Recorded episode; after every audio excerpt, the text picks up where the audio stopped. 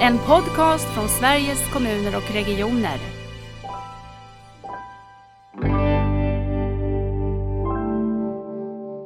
Det är ju, det är ju samma medborgare vi träffar. Eh, vi måste jobba eh, efter den bästa kunskapen som finns. Men just att få det till konkret verklighet är inte alltid helt enkelt när man, när man står och går i liksom olika utmaningar varje dag.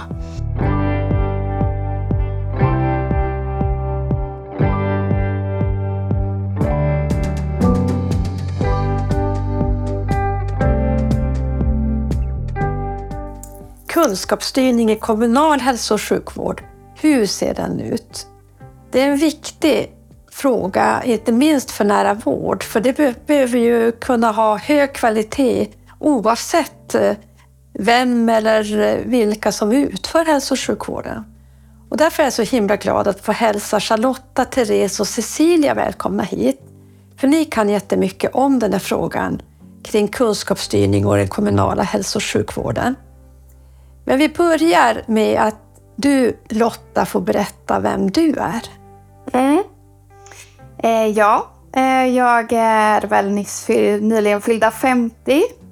Jag är eh, eh, född i Stockholm, uppväxt i Munkedal och bor numera i Uddevalla. Och jag eh, jobbar på eh, Västkom i Västra Götaland som är en oh, samorganisation för de eh, 14 49 kommunerna i vårt län. Eh, men jag är också utlånad till SKR för att jobba med de här eh, frågorna sedan eh, september 2001. Så jag har halvtid på vardera, vilket är väldigt, väldigt kul. Och jobbar du mycket i Stockholm på Hornsgatan eller jobbar du från Västra Götaland? Hur ser det ut? Det är ju både och. Tack vare pandemin nu så kan man ju jobba mycket hemma, annars hade jag nog inte kunnat ta uppdraget. Men jag försöker också vara på kontoret i Stockholm för att det är väldigt eh, inspirerande och viktigt att vara nära de kollegorna på SKR också. Just. Sa du något om vad du har för professionell bakgrund? Ja, jag är utbildad hälsovetare från början. Eh, utbildade mig på Högskolan Väst som då låg i Vänersborg. Eh, och jobbade tio år som folkhälsostrateg i Munkedals kommun innan jag började på Fyrbodals kommunalförbund som är ett utav fyra kommunalförbund i Västra Götaland. Vi har ju så i vårt stora län att vi har fyra kommunalförbund eh, som samarbetar med samma region. Det är vi det enda länet som har. Ja, precis. Tack!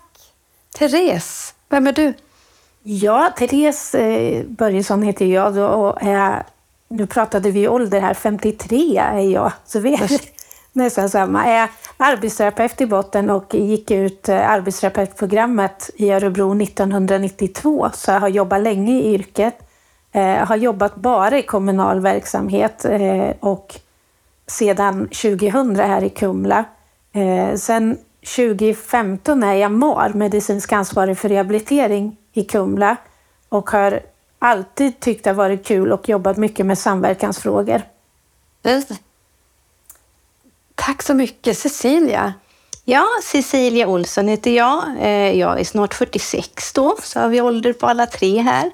Eh, jag är legitimerad fysioterapeut och gick klart utbildningen för 22 år sedan ungefär och har merparten av yrkeslivet faktiskt jobbat i, eh, inom rehab i regionens primärvård. Eh, och var i lite olika roller, både som kliniker i olika samverkansprojekt och som enhetschef. Eh, och var därefter en kort sväng inne på slutenvården där jag jobbade som eh, kvalitetssamordnare med in och utskrivningsprocessen. Men sen 2019 är jag också MAR då, var först i Härryda kommun men är nu i Mölndals stad och bor i Partille. Just tack. Har ni funderat ni tre på varför varför ni engagerat er i kunskapsstyrningen? Var det självklart eller hur gick det till? Alltså det, var inte, det var inte så självklart, alltså om någon hade frågat mig eh, just kring kunskapsstyrning, men det har alltid varit självklart att samverka, tycker jag. Eh, och det är också det som har gjort att jag har hoppat på det här tåget. Jag Therese? håller, ja, jag håller med dig Cecilia, just det här med samverkan. Och vi har ett väldigt väl fungerande MAS-MAR-nätverk eh, i vårt län. Eh, och där började det komma in frågor om representation i olika eh, grupper i kunskapsstyrningen. Och då kom det upp en fråga om en representant i LPO, Lena Svaner i vår region. Och då sa jag att absolut. Så egentligen kan jag säga att jag har nog lärt mig mer efter jag sa ja än innan. Men det var på den vägen. Mm. Lotta, du då? Hur kom du in i det här? Ja, alltså om man zoomar ut lite så tycker jag ju, alltså i och med att jag också haft ett stort samhällsintresse och jobbat med folkhälsofrågor så har jag liksom alltid eh, tänkt bortanför de där gränserna, liksom kommun och region och tycker att det är viktigt att utgå ifrån den enskilde individen och att det är självklart att vi ska samarbeta och samverka.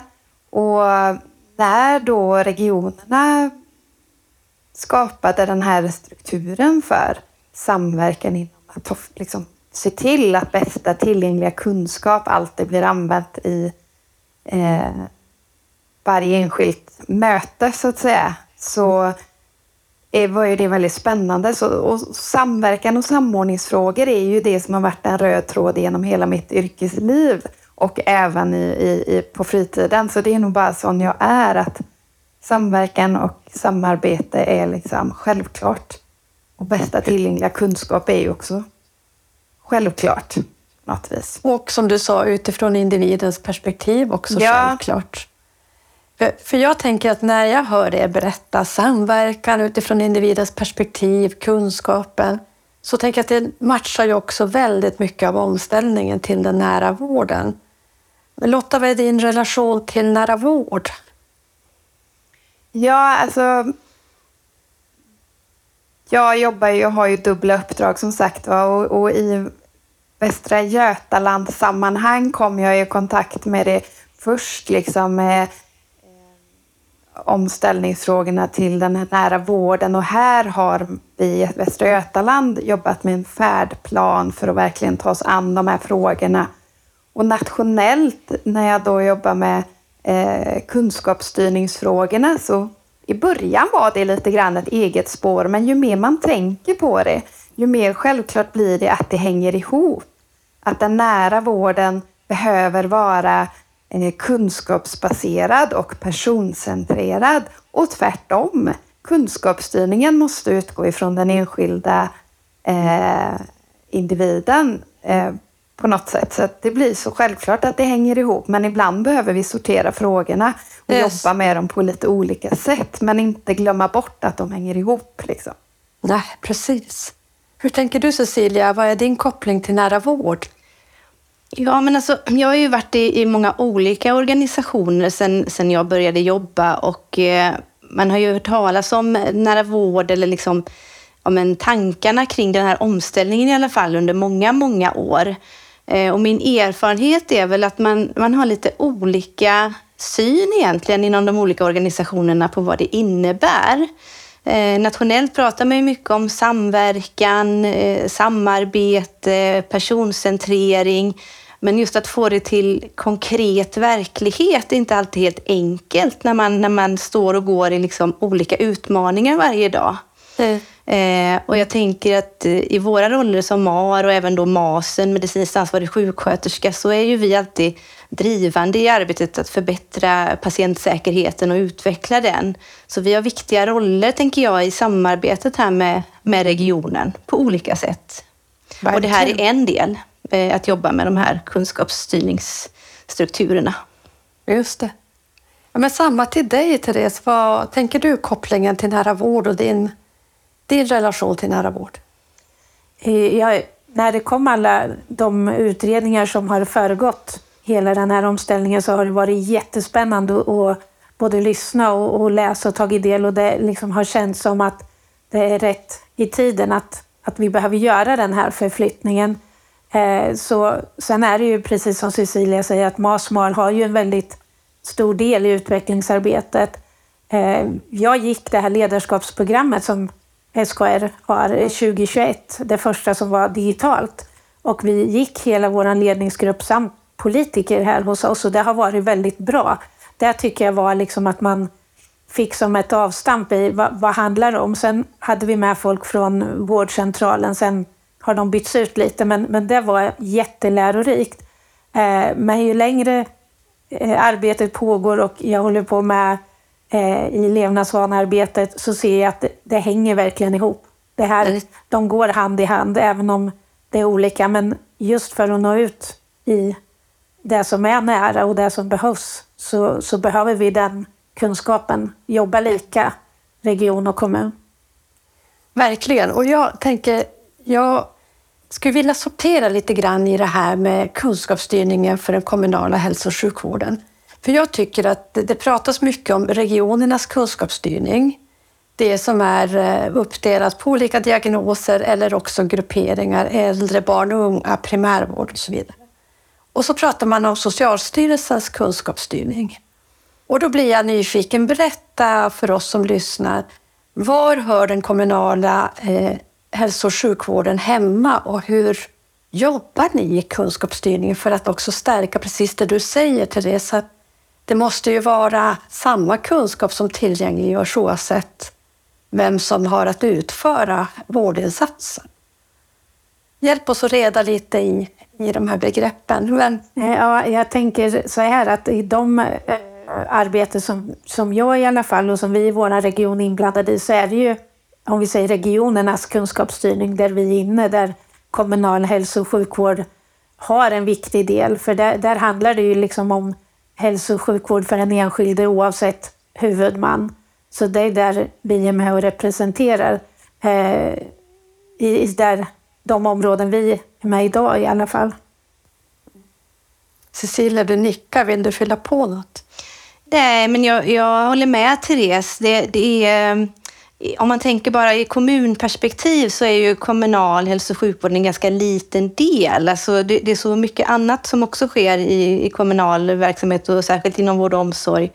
Eh, men, men, eh, men vi måste ju docka an regionens hälso och sjukvård. Det måste finnas ett naturligt flöde, en sömlös vård där. Man ska inte behöva känna som patient att oj, nu var det någon annan som tog över, nu blev det på ett annat sätt eh, i min behandling eller så. Det, så får det inte vara. Och jag tänker också att det är ett nationellt system för kunskapsstyrning inom hälso och sjukvård, så att det är verkligen det som ska betonas och inte regionernas eller kommunernas. Men Lotta, när du tog här, den här rollen då, att få utlåna till SKR just för att ta det här perspektivet, hur beskriver du det här arbetet? Då? Eh, nej men det, det finns ju både det som du säger, alltså målbilden och ambitionen om ett nationellt system. Och det finns ju många delar i det med, där det finns ett partnerskap eh, mellan myndigheterna och eh, regionerna, framför allt när det gäller hälso och sjukvårdens Eh, delar. Och det finns ju också ett partnerskap när det gäller kunskapsstyrningen i socialtjänsten.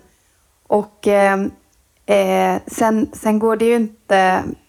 Alltså det, det, finns ju, regionerna har ju gjort ett stort utvecklingsarbete och verkligen eh, beslutat i sina högsta ledningar om att jobba på det här sättet. Och det är ju, den, det är ju liksom deras modell om man nu säger så.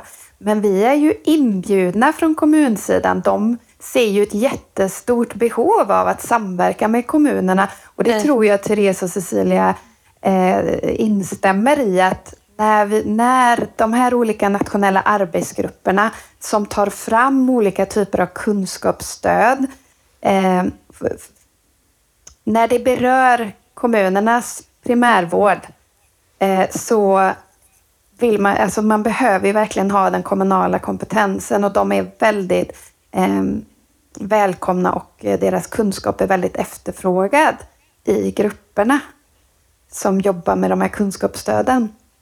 Sen är det 290 kommuner och kommunen jobbar med väldigt många olika frågor.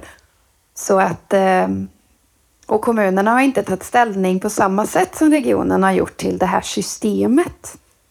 Ehm, och det, det jobbar vi ju med. På kommunsidan har vi ju i nationella sammanhang, i nätverk som har då kopplingar givetvis till alla 290 kommuner, varit med i den här dialogen i många år och försökt liksom rigga oss för att eh, kunna eh, vara med på ett bra sätt och jobba med kunskapsstyrning hälso och sjukvård. Tycker du att, du ser att det saknas eh, den här gemensamma beslutet från kommunnivån eller tänker du att det, det går att ordna ändå? Vad är din känsla? Eh, jag får ju det ibland ifrån eh, sån, alltså kommunala representanter som finns med i såna här arbetsgrupper. En sån eh, liksom ön, önskan eller så här, borde inte våra ledningar ta ställning i den här frågan? Men eh, eh samtidigt så så är det 290 självbestämmande kommuner och det är en lång resa att eh, göra. Och det, det pågår ju ett utvecklingsarbete och en dialog så att vi får skynda lite långsamt och eh, ta det i de stegen som vi kan, tänker jag. Och bara genom att Cecilia och Therese som själva liksom jobbar i den här eh, praktiska, alltså i sin vardag är nära eh, verksamheten men också är med och bidrar nationellt så tror jag också att vi på kommunsidan kan få en eh, ökad liksom, förståelse för eh, behovet och, och nyttan och värdet. Therese och Cecilia, berätta om ert arbete. Alltså, vad är det ni då gör rent praktiskt, rent konkret? Mm. Jag är ju med i två olika regionala processteam som de kallas här i Västra Götaland och det egentligen är ju det samma som de lokala programdelarna som Therese är med i. Det är för att Västra Götaland är ju både en sjukvårdsregion och en lokal region eftersom vi är så stora. Så det är bara för att förtydliga det hela. Eh, och det man gör i de grupperingarna det är ju egentligen att bryta ner det som man har tagit fram på nationell nivå Eh, för att anpassa det. Vad behöver vi göra liksom i regionen för att vi, det här ska bli verkstad ute, ute hos patienterna? Eh, och jag är med i regionalt processteam för KOL, vårdförlopp, steg ett där. Eh, och sen är jag med i levnadsvanor, precis som Therese är. Eh, och eh, det handlar ju mycket om att eh, titta, vad, vad säger det nationella vårdprogrammet eller det nationella vårdförloppet? Var befinner vi oss i regionen nu? Det vill säga man gör en gapanalys. Vad, vad, vad saknar vi för att kunna jobba utifrån vårdförloppet eller vårdprogrammet? Och så jobbar man tillsammans då med andra representanter, både från vårdcentraler och ifrån slutenvården och specialistöppenvården Eh, med att ta fram olika strategier och åtgärder och se att ja, men det här tror vi att vi behöver göra i vår region. Och när det gäller KOL så har vi kommit längre. Där, där ligger det ju nu ett förslag då på en ny RMR, regional medicinsk riktlinje, Eh, som ju då tar hänsyn till liksom, vad behöver vi göra här i regionen för att kunna jobba utifrån vårdförloppet. Eh, och när det gäller levnadsvanor så är vi mitt i arbetet kan man säga. Vi har precis tagit fram lite åtgärder där. Så att, eh, där är Therese före, så du kan väl ta vid Therese och berätta lite hur du gör, vad du jobbar med. Ja, men precis. Jag är ju med då i LPO, heter hos oss, Levnadsvanor, lokalt programområde, eh, sen 2019, sen det var nytt. Och för, ja, det blir lite mer än ett år sedan så kom ju vårdprogrammet kring levnadsvanor och det är den implementeringen vi håller på med. Vi har gjort en gapanalys och då har vi skickat eh, enkät till både regionens verksamheter inom hälso och sjukvård och eh, kommunens, alla kommuners eh, hälso och sjukvård där vi liksom, för att få en nulägesbild. Eh, man har också intervjuat elevhälsan eh, i det hela. Eh, sen har vi tagit fram förslag på aktiviteter som eh, ligger nu inför att man ska fatta beslut och, och, vi har hela tiden haft tanken om att det här ska vi göra gemensamt. Det är inte så att regionen Självklart behöver man lite olika, men vi ska göra det i, som jag kallar det, sann nära vårdanda. Det här gör vi tillsammans för att nå det bästa. Och jag tänker att primärvård så ska vi tänka hela primärvården. Eh, sen kanske vi i kommunen ligger lite efter i kunskap kring levnadsvanor för att inte vi har den traditionen. Men, men ändå så har vi den intentionen och vi ska också försöka ta fram ett gemensamt styrdokument eh, för att nå. Sen är ju jag med i NAG levnadsvanor sedan årsskiftet blir ungefär 2021-2022 och då hade de precis tagit fram vårdprogrammet. Men vi har tagit fram ett vårdförlopp som precis i stort sett är klart nu som är en generisk modell för integrering av levnadsvanor i andra vårdförlopp och, och eh, andra kunskapsstöd. Så det arbetet har jag varit med i och då hade de haft svårt att få tag i en kommunrepresentant men det är ett så roligt jobb och jag har alltid känt mig väldigt välkommen och man bidrar som kommunrepresentant i de här grupperna. Alltså det finns sånt intresse för att ha med kommunrepresentanter så att ett jätteroligt Och så får man väl säga, det är ju verkligen kunskapsstyrningen expert på, det är förkortningar. NAG, nationell arbetsgrupp, eller hur? Precis, precis. Jag satt just och tänkte på det. Att Ja. skulle... Vi slänger oss mycket med förkortningar så det finns en hel Gör det det också? Det finns en skrivelista. Ja. Ja, för ja. någon förkortning som var lite ny för mig, det var RMR, Nationellt medicinskt riktlinje eller råd, eller vad sa ni? Menar du RMR? Regional, regional, medici, regional medicinsk riktlinje. Jag vet inte om den tillämpas i andra. Det är ju för att Västra Götaland både är sjukvårdsregion Du ju- och lokal region. För Du sa ju, vad, kallar ni det LMR hos er, Therese? Eller vad kallar ni när ni blir klara? Nej. Nej. För jag tänkte egentligen fråga när man nu ska göra verkstad, när ni har kommit så långt med, med den riktlinjen på KOL eller på levnadsvanor. Vad har MAS och MAR för roll där i en kommun? Jag tänker att ni borde ha ganska centrala roller för att det här också ska tillämpas, för det är ju först då som det blir något värde skapat. Ja, men precis. Och jag, jag tänker att det handlar lite om det som Lotta var inne på innan, det här med, med alltså vilka beslut finns egentligen? Hur ska kommunerna följa det som bestäms i kunskapsstyrningen? Men jag tänker att steg ett är ju ändå att informera så att alla vet om. Eh, dels behöver man liksom få en bättre kunskap kring kunskapsstyrningen i sig, tänker jag, i kommunerna. Eh, Men också då att nu är ju vårdförloppet för KOL framtaget här. Vi kommuner har lyft in vissa aspekter eh, just för att vi tycker det är viktigt att, att regionerna samverkar med oss. Och att man liksom börjar i den änden och liksom väcker nyfikenheten och får legitimerad personal framförallt att, att förstå nyttan med att liksom använda sig av det här systemet, tänker jag. För då, då kommer ju besluten komma av sig självt naturligt Precis. på sikt, tänker jag. Så, ja. Men vi har också vi har varit väldigt noga med och kommer fortsätta att eh, träffa socialcheferna eh, i och berätta i hur, hur vi har eh, vart vi ligger i, i det här med beslut och så. Och de får vara en del i besluten för det är jätteviktigt att socialcheferna har kunskap om det här arbetet även om de inte behöver sakkunnigheten men ändå veta att nu ligger vi här och nu ska vi fatta beslut om aktiviteter och vad innebär det för den kommunala hälso och sjukvården i, i min kommun? Jag tänker också att det är viktigt att flika in att vi som kommunala representanter, vi sitter ju inte på några mandat. Vi kan ju Nej. inte ta några beslut i de här Nej, grupperingarna det. att nu ska kommun, kommunen göra så här eller så här. Utan det handlar väldigt mycket om att hela tiden belysa kommunala perspektivet. Jag tänker utifrån KOL och vårdförloppet så, så är ju diagnoskriteriet att göra en spirometri till exempel. Där har jag och min MAS-kollega som är med lyft problematiken kring många av de som vi har i kommunal primärvård som faktiskt inte kan genomföra en spirometri. Man kanske är multisjuk på olika sätt eller har en kognitiv nedsatt förmåga. Men finns det en stark misstanke om KOL så behöver man ju ändå få, få insatser utifrån det. Så, Precis. så mycket sådana perspektiv har man liksom fått jobba med att belysa.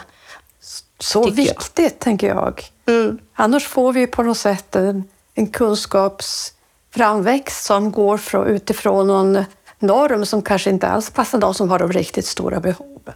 Och då hamnar Precis. fel. Jag måste säga att det en sak som kom upp i mitt huvud när du, Therese, pratade om den gemensamma primärvården. Det var att eh, vi jobbar ju ganska mycket från nära vård nu med det vi kallar att planera sin, den gemensamma primärvården i ett län eller en kommun ihop. Att kommun och region behöver, där skulle ju också det här, eh, vilka kunskapsstöd tillämpar vi?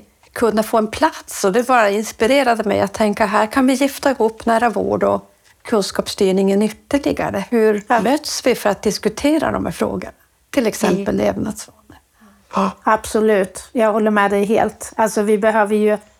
Det är ju, det är ju samma medborgare vi träffar. Eh, vi måste jobba eh, efter den bästa kunskapen som finns. Eh, och verkligen, jag håller med dig helt. Jag tänkte, jag tänker att man har ju liksom... Det, det finns ju en ny antagen utvecklingsplan nu eh, för eh, den här nationella kunskapsstyrningen som gäller 2023 till 2027. Där man liksom trycker på det här att nu har vi varit under en fas av uppbyggnad och strukturskapande. Och nu den här kommande perioden så måste man gå från, alltså till eh, att, att använda eh, kunskapsstöden och att eh, nå en, hela vägen ut och liksom att det ska komma till användning. Så eh, det är ju där vi står lite nu. Att hur Mm. får vi ut det hela vägen? och där står det också i den, eh, den, det grunddokumentet att kunskapsstyrningen också ska stödja utvecklingen av den nära vården. Så även där har Nej. vi kopplat ihop oss på ett viktigt sätt. Och att man vill eh, utveckla samspelet med kommunernas Ja. vård och omsorg. Det är också tydligt eh, uttryckt där. Det är ju jätteviktigt.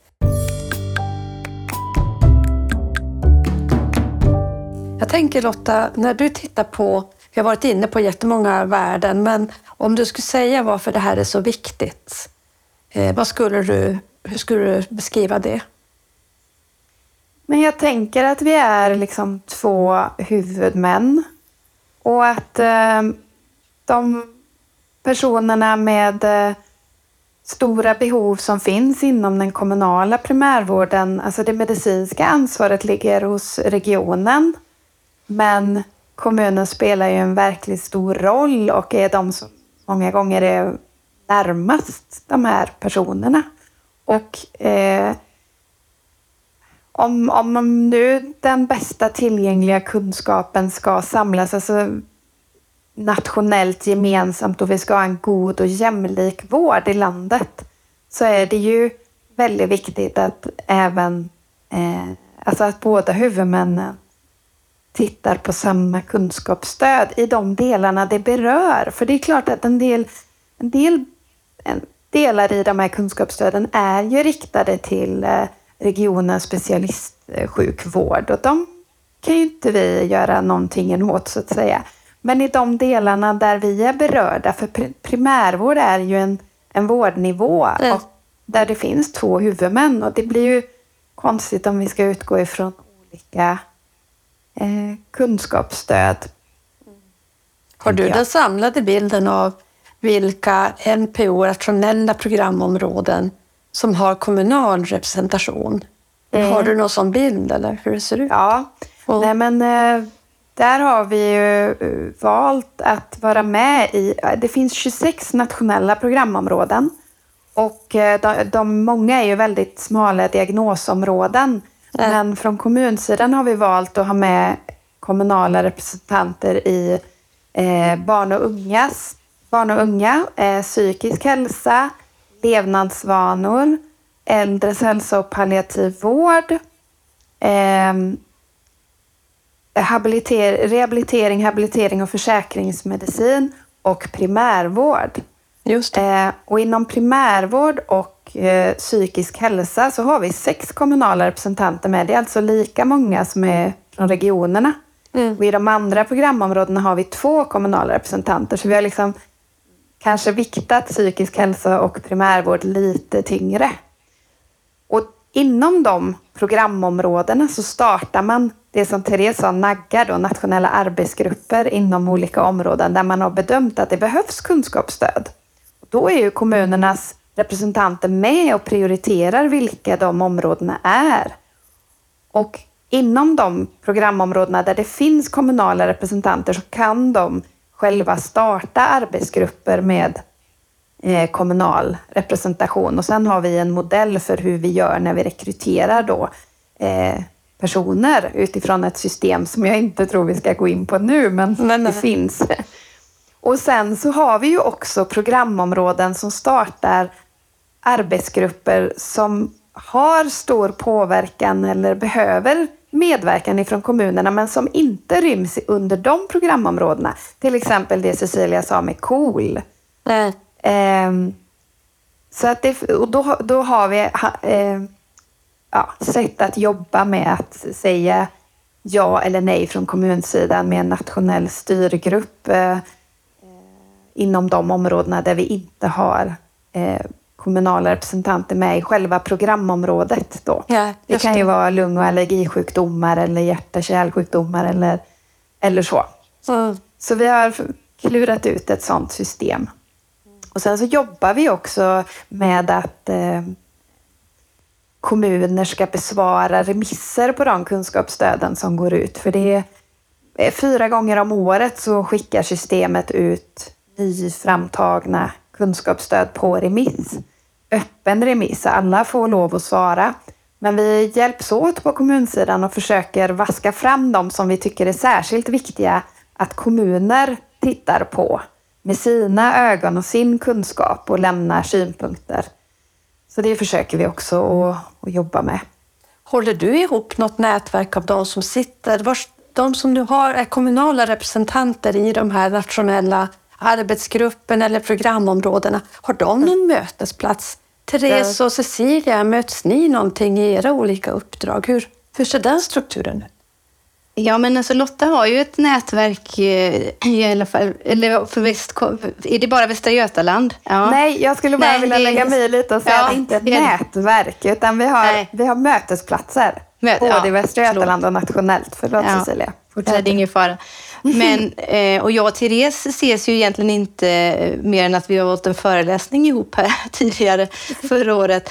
Eh, men jag tänker att vi, vi kan nätverka på eget bevåg. Särskilt eh, viktigt utifrån att Therese och hennes arbete med levnadsvanor ligger ju lite steget före Västra Götaland. Så vi kan ju liksom ta rygg, tänker jag, på vad ni kommer fram till och, och ser och vi kan bolla idéer och så. Eh, och sen tycker jag det är jätte jättebra att man är minst två kommunala representanter för man har väldigt mycket glädje av varann i de här olika teamen. Eh, man känner, jag känner mig, precis som Therese sa förut, här, jättevälkommen av alla andra också. Men man behöver liksom ha någon att bolla lite med och se hur påverkar det vi pratar om nu den kommunala hälso och sjukvården? Eller vad, vad ifrån kommunal hälso och sjukvård behöver vi lyfta in här nu så att vi belyser liksom vårat perspektiv på det hela? Och även de här mötesplatserna då, Lotta, tycker jag har varit jättevärdefullt. Jag måste också säga att den här nationella, eh, där du Lotta håller ihop, det, det har gett jättemycket även om man är eh, från olika områden. Eh, men man blir väldigt nyfiken på vad alla andra håller på med och, och så. Men man, det finns öppning för att ställa frågor och funderingar om vad, vad är det jag ska göra eller vad förväntas av mig och så. Så det, det är värdefullt. Jag tänker ändå att det där att mötas som människor, det spelar ju roll för att få kraften. Som du säger Cecilia, att man är inte ensam, men att man också känner den där powern man får av att träffas. Om det är digitalt eller är fysiskt, men ändå ha någon mötesstruktur.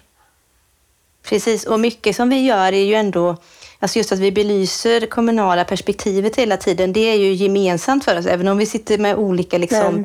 Detaljfrågor. Och jag tänker något som jag har fått lyfta in många, många gånger, det är ju just hur mycket vi faktiskt delegerar och ordinerar till omsorgspersonal, alltså undersköterskor, stödassistenter med fler.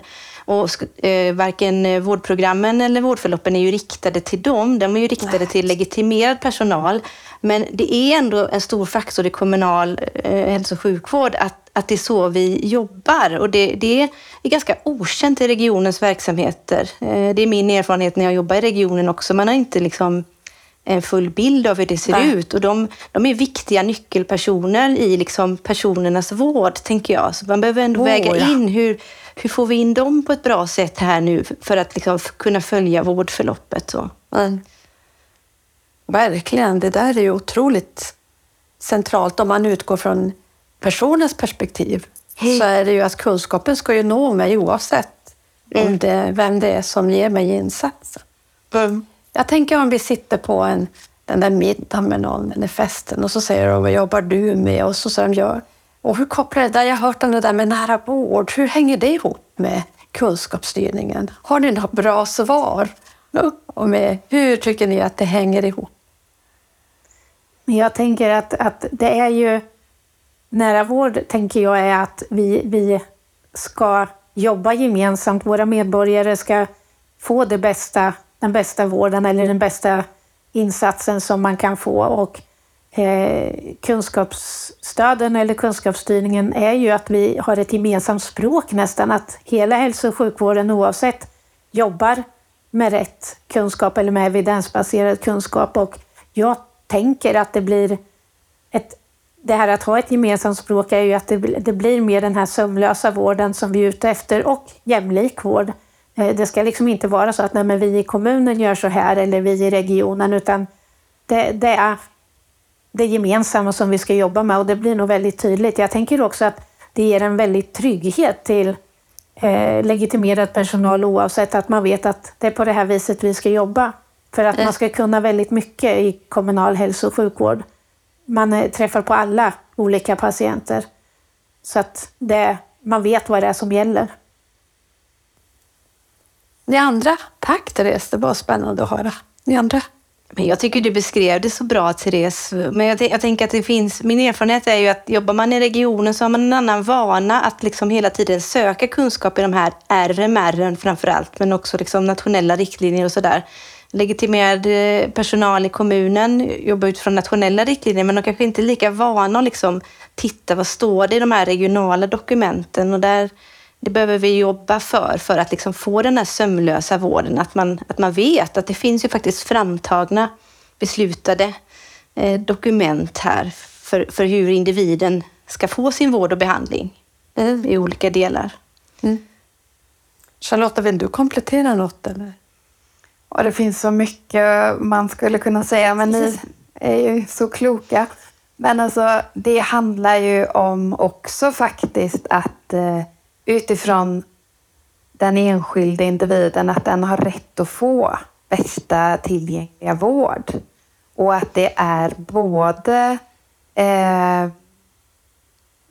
alltså hållbart att ge den bästa tillgängliga vården direkt ur ett personligt perspektiv men också ur ett samhällsekonomiskt perspektiv. Vi, vi måste vara rädda om våra resurser och vi har liksom inte råd att satsa på fel saker och då är det väl bra om vi kommer överens om vad som är bästa tillgängliga kunskap och försöker att göra så i, i så största utsträckning som det någonsin går. Och jag brukar tänka ibland så här, eh, kunskapsstyrningen, det handlar om vad vi ska göra, precis som ni säger, alltså att det blir samma kunskap som vi baserar våra beslut och möter våra invånare med. Och när vård står mycket för en omställning hur, att det är personcentrerat, att det är sammanhållet och, och det där måste ju hänga ihop för att ett värde ska skapas för den enskilde. Eh, men det finns mycket att fundera och jag tror att det ni lyfter, att jobba mycket mer tillsammans och visa på hur det här hänger ihop, är viktigt. Också för resurser, för människor är också resurser och finns i de här processerna, vi som medarbetare, att, att få ihop det. Jag tänker om ni blickar framåt, vad ser ni framåt? Vad vill ni göra framåt? Men jag tänker att implementeringen av det som vi nu liksom, nu har vi ju hållit på ett, några år som Lotta säger här och vi har liksom fått vara med och ta fram och, och liksom vardes, som man ska säga. Men eh, huret kommer ju bli en viktig del. Alltså hur, hur tar kommunerna sig an det här som nu är framtaget? Eh, och då handlar det mycket om att öka kunskapen, både öka kunskapen om kunskapsstyrningen men också liksom kring de olika eh, olika medicinska riktlinjerna som man landar in i eller så. Eh, så där har vi liksom en, en resa att göra tror jag, hitta liksom en bra struktur för det. Jag tänker att samverkan måste ju fortsätta och att man måste vara eh, likvärdiga parter, att man gör implementeringen av alla kunskapsstöden tillsammans. Och nu, nu pratar jag på primärvårdsnivå. Sen yes. kan det också vara även inom specialiserad vård, men att att man tänker att aktiviteter vi tar fram när det gäller implementering måste vi göra tillsammans, för då blir det ju väldigt tydligt i att vi har ett gemensamt uppdrag. Tänker du någonting från din horisont, Lotta? Ja, men jag tänker att det behöver ju finnas ett eh, tänk och ett stöd kring den här implementeringen och liksom att det finns tillgängligt. Men sen har ju alla län sina olika förutsättningar. Så att eh, själva huret där, det behöver man ju utgå ifrån de eh, ja, arbetssätten man har i det egna Nej. länet och den samverkans... Ja, upplägget man har för samverkan. Hur man har liksom valt att ha det i sitt län. Så det är svårt att liksom lägga en modell för hur det ska se ut. Vi har ju på SKR då något som heter alltså nätverk för regionala samverkans och stödstrukturer där vi träffar personer som håller ihop ja, framförallt kommunerna i eh, länen och som jobbar en hel del med de här frågorna.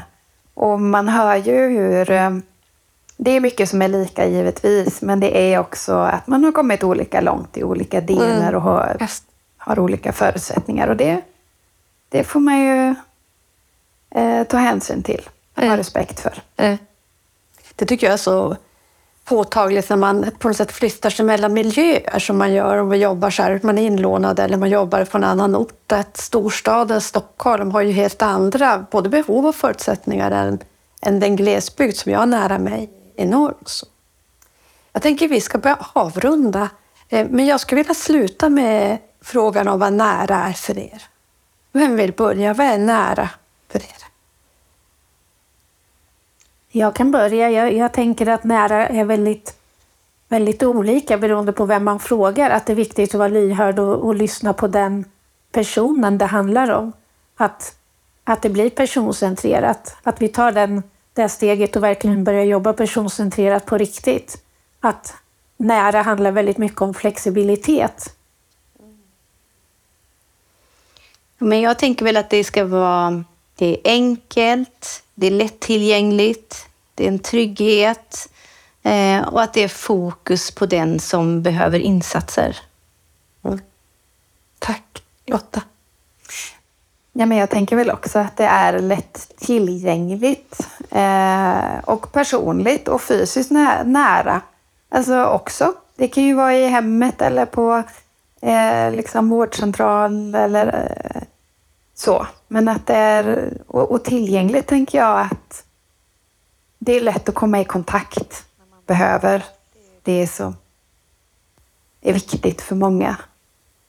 Eh, tror jag. Tack och tack för att ni var med i Nära Vårdpodd. Jag tänker att ni har, i alla fall för mig, gjort en mycket klarare bild. Och så viktigt med kommunernas eh, roll i kunskapsstyrning. Jag har aldrig tvivlat på det, men jag tycker ni satte fina ord på det. Så tusen tack. Tack så för att jättemycket. fick vara med. Tack.